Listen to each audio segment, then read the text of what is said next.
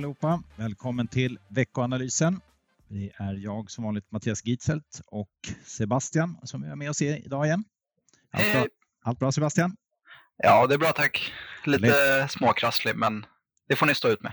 Ja, jag hoppas att rösten håller. Eh, Det är Ja. som, som ni kanske hör, tekniken är lite annorlunda den här gången, lite eventuellt sämre ljud eh, och det är för att vi inte spelar in i vår fina studio som vi har nu för tiden utan på distans. Men eh, det viktiga är ju innehållet, eller hur?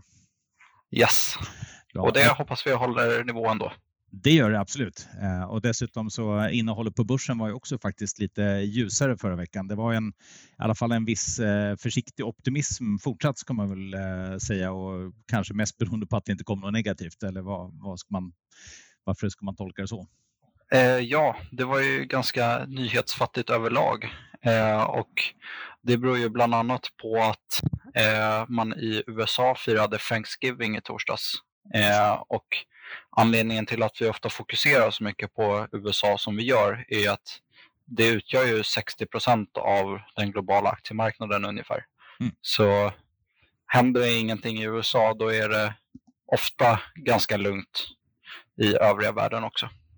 Verkligen, och inte bara aktiemarknaden utan det är en stor andel, om än inte lika stor, men en, en relativt stor andel av världsekonomin. Så det, det blir mycket USA-fokus och som självklart också en del eh, svenskt fokus eftersom vi, det är vår hemmamarknad och eh, där hade vi ju faktiskt Riksbanken som kom med besked förra veckan. Men eh, även från USA så kom det lite siffror vi kan prata om alldeles strax. Men vi hade också Fed-protokollet då, det vill säga efter Fed-mötet och eh, det Ja. gav väl ett visst hopp kan man säga i alla fall att vi, vi når någon slags slut på räntehöjningscykeln. Eller vad säger du?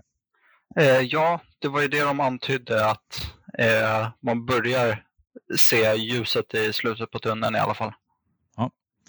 Eh, och då, då faller ju räntorna och så blir självklart också aktiemarknadsaktörer blir också mer positiva naturligtvis. Så allt sånt är ju stöd till risktillgångar självklart. Ja, Eh, Så även om vi inte har något ren...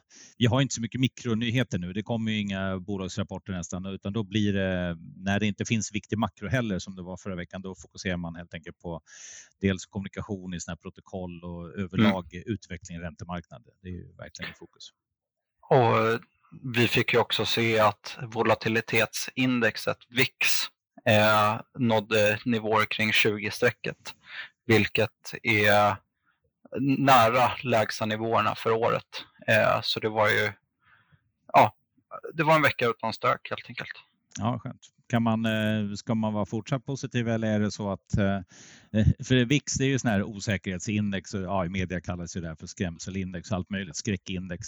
Eh, Men, och, och så brukar man säga när, när det är högt, då är risken som högst på marknaden. Men är det inte så egentligen när det faller ner så, så eh, kan, det, kan det bara stiga? Eh, Hur ska man egentligen tolka det där? Ja, lite så. Det är högt för att det har varit eh, turbulent, inte för att det kommer bli turbulent framöver. Eh, alltså, under året har eh, bottennivåerna för VIX sammanfallit med eh, tillfälliga toppar på aktiemarknaden. Men sen så har det fallit lite därefter. Eh, men vi ser i alla fall att eh, vi börjar röra oss i rätt riktning på eh, marknaden. Eh, så vi har i dagsläget ett neutralt betyg på globala aktier eh, men ett försiktigt positivt betyg på nordiska aktier.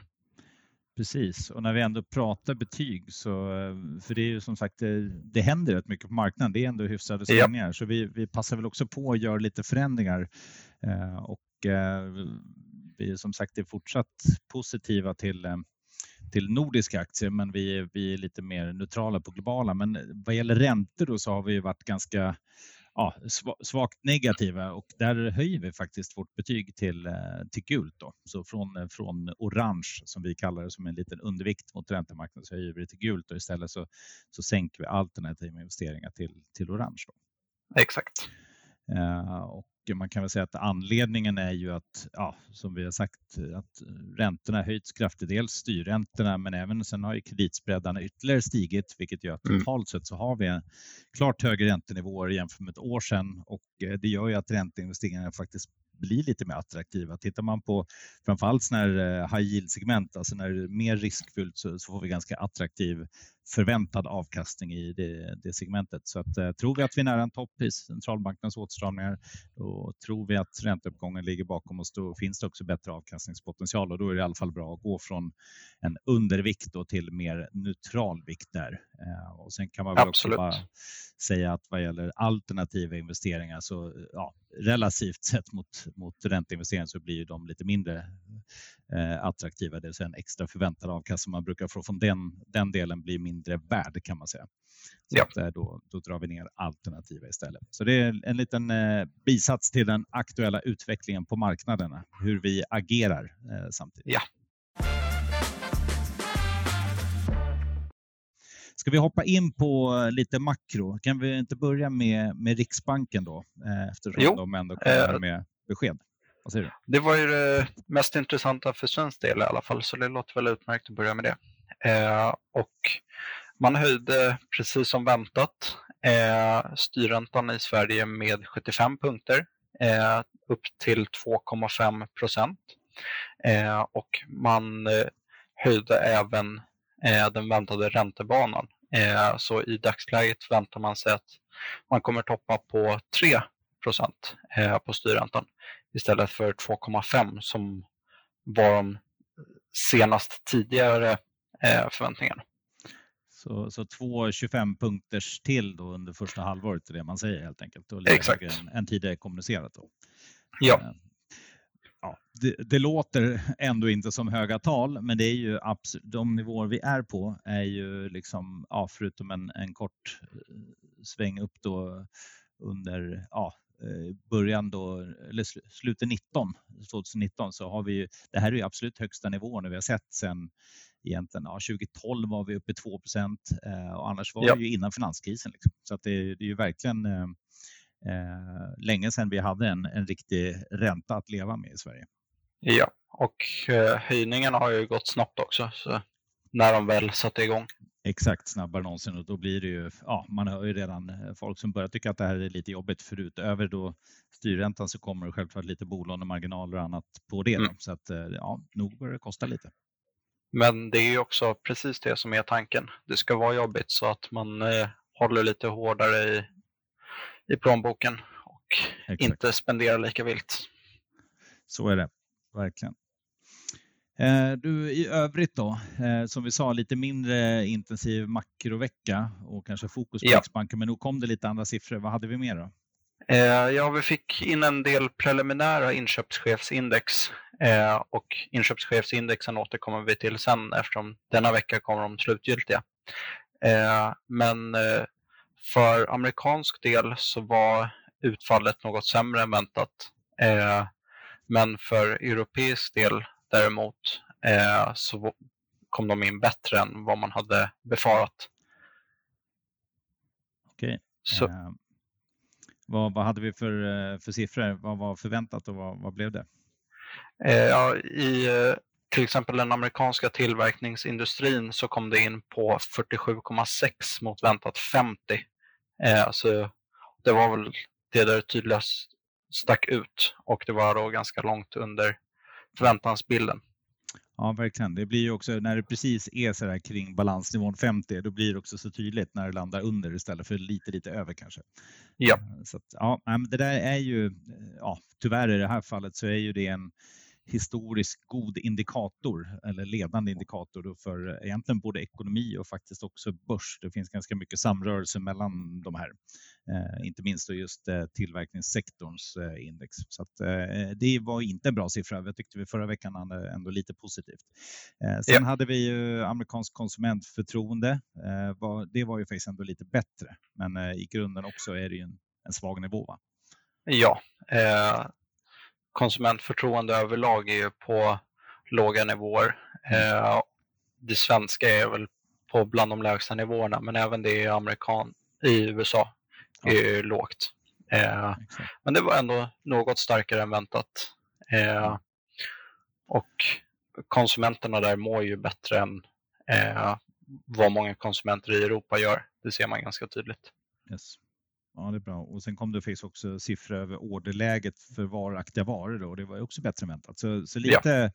lite bra grejer, men också ja, lite negativt. Eh, och sen hade vi då om vi blickar bort från USA, tyskt IFO-index som mäter affärsklimat, det överträffade ju faktiskt med 80,0 förväntat 77. Men här ska man komma ihåg att den här balansnivån som för inköpschefsindex är 50, i det här fallet är det ju 100.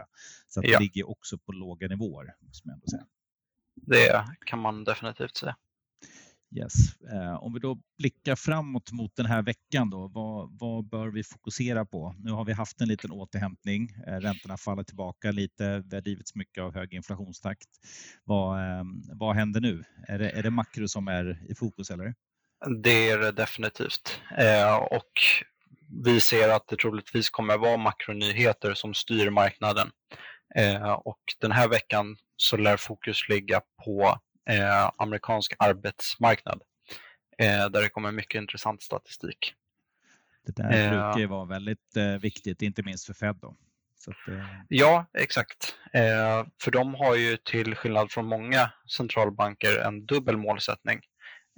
de ska inte bara uppnå prisstabilitet som alla centralbanker har som mål, utan de har även en målsättning om maximal sysselsättning.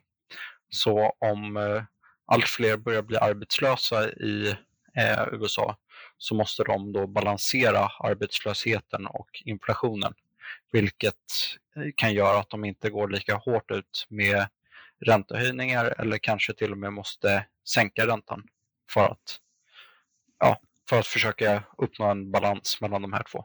Mm. Ja, det, ja, vi får se. Det är ju det är ju en stram arbetsmarknad helt klart och sen brukar det, ja. det kommer mycket statistik. Dels veckostatistik och sen så kommer det liksom månadsstatistik och ja, eh, veckostatistik i sig definitivt får inte dem att byta fot, men inte heller egentligen månad, utan det måste ju vara en tydlig trend. Eh, Absolut. Just nu så har man ju sin linje klar kring räntehöjningar så får vi se om man gör någonting annat. Men du, eh, ja. Sen har vi en riktigt fullspäckad vecka i övrigt här. Vad, vad kommer? Vad händer? Eh, vi drar igång imorgon egentligen med det som är högintressant eh, när vi får ta del av svensk detaljhandelsstatistik för oktober. Mm. Eh, och efter att septembersiffrorna kom in rejält negativt, eh, vilket är, beror då på den låga konsumtionsviljan eh, som vi tidigare nämnde. Och, de, eh, och att konsumenterna helt enkelt har det jäkligt tufft eh, på grund av den höga inflationen. Eh, så blir det intressant att se vad siffran kommer in på den här månaden. Eh, och vi får även ta del av just konsumentförtroende som som sagt har varit på väldigt låga nivåer, faktiskt de lägsta sedan 90-talskrisen i Sverige. Ja, Just det. Och sen kommer det även för eh, eurozonen i USA, eller Det stämmer. Det kommer lite senare under tisdagen. Och eh, också, vad har vi mer? Ja, vi har massor. Vi har eh, preliminär inflationsstatistik både från Tyskland och från eurozonen.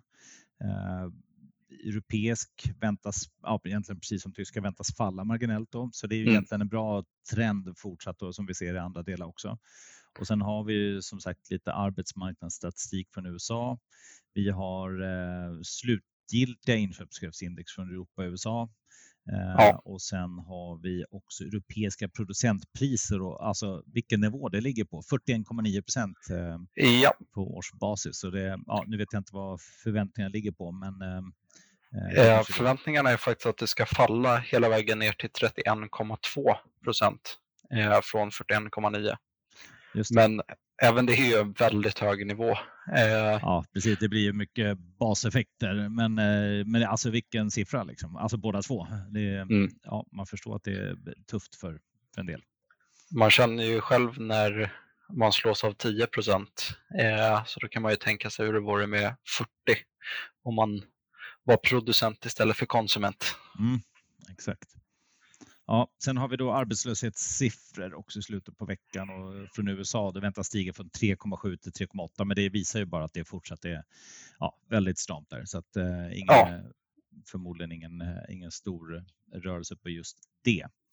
Och eh, även intressant att nämna är att eh, det enligt de senaste mätningarna fanns 10,7 miljoner lediga jobb i USA men endast 6 miljoner arbetssökande. Så eh, Eh, de kan dra ner ganska rejält på antalet lediga tjänster innan det blir alltför tufft för arbetsmarknaden. Verkligen. verkligen. Ja, intressant. Eh, jag tänkte om vi bara hoppar in på börs och bolagshändelser, där händer ju inte jättemycket som vi sa. Vi har någon rapport i Research, vi har SAS som kommer på onsdag, vi har någon kapitalmarknadsdag på tisdag, Alfa Laval bland annat. Några ja. bolag har gått utdelning, men det är extremt tunt. Men något helt annat jag tänkte på som vi inte har nämnt eh, hittills, det är det här att eh, det händer ju en del i Kina. Dels mm. de här demonstrationerna som dragit igång, de här vita papperna eh, som, eh, som ska visa allt de eh, vill säga men inte kan säga. Ja. Det, det är ju någonting som vi inte har sett på samma sätt sedan egentligen de här demonstrationerna på Himmelska fridens torg för, för länge, länge sedan, 89. Men vad beror det på? Jo, det är ju nedstängningarna och de, de fortsätter ju. Och mm. det blir ju tufft nu också när egentligen, om man ska säga central regering måste ju snart ta beslut. Så här, vill man ha mer nedstängningar för att fallen fortsätter öka eller, vill man, eller tillåts man visa större spridning? Och det som är problemet är väl bara inte att fallen ökar utan jag ska säga, bredden i det ökar, att det är många fler städer som det ökar i, eh, mm. coronafallen. Så det, blir, ja, det ska bli intressant att se hur de hanterar det här. Det brukar ju vara de har ju varit väldigt extrema hittills. Eh, till och med vad gäller bilder från fotbolls-VM så tillåts de ju inte visa några bilder på supportrar som inte har masker på sig. Okay. Eh, så de får ju redigera sina tv-sändningar. Eh, så det är verkligen, du ska inte ens få se folk som vistas utan mask. Nej. Eh, ja, jag förstår. Ja, det där är... Säger något om hur hårt det är. Ja, verkligen. Och det, man kommer väl inte backa från det där första taget. Så att, eh, ja, eh, det som blir problemet är väl att det finns klar risk för fler nedrevidering av tillväxtprognoser. För som det ser ut nu, jag såg någon som hade någon sannolikhet på att de öppnade innan Q2 och det, det var på 20-30 procent. Så att, eh, onekligen ser det tufft ut för för eh, kinesisk ekonomi och risk för fler neddragningar av prognoserna. Det mm. man kan lyfta som faktiskt är eh, positivt eller som skulle kunna hjälpa till att lyfta är väl två saker. Det ena är ju att man under förra veckan då Eh, ja, flera statsägda kommersiella banker i alla fall eh, utökade sin kreditlina till 17 privata fastighetsutvecklare. Och eh, det är ju inte samma som att utöka lånen, men det är i alla fall en möjlighet. Och sen så återstår det att se om fastighetsmarknaden faktiskt stabiliseras av det här. Men utökad kreditlina där. Och sen så hade vi också centralbanken då, eh, People Bank of China som sänkte reservkraven för bankerna med 25 punkter från, kommer de göra från 5 december och det gör möjligt ja. 500 miljarder min i långfristig likviditet. Så mm. signalvärdet av de här två grejerna är stort. Det är inte säkert att det blir en stor realekonomisk effekt, men det är i alla fall viktigt att eh, komma med stimulanser när allt annat eh, ser ut att, att vika ganska ordentligt, inte minst inom fastighetssektorn. Mm. Och eh, just eh, protesterna i Kina har ju också fått spridningseffekter på exempelvis oljepriset eh, som nu är nere på de lägsta nivåerna sedan december 2021. Mm. Så vi har alltså inte sett så här låga nivåer på hela året. Även Nej. fast de, de kan fortfarande tyckas höga. Men Ja, fast det är som du säger, alltså tittar man sex månader här på, på oljeprisen så är det ungefär ner 30 procent. Så vi, ja. vi har en ja, Brent-kvalitet då till exempel 85 dollar, eh, ner 3 procent förra veckan. Så ja, det, det är inte mycket, eh, mycket uppgång kvar under året. Det såg ut att vara riktigt mycket tidigare, men nu är det upp, ja, beroende på vad man tittar då, 5, 6, 7, 8 procent. Um, och det är ju, ja, det är ju en av de stora bidragande faktorerna till eh, alltså energipriser och eh, inflation som vi har sett. Så mm. Bara det är ju eh, en rätt intressant del, helt klart.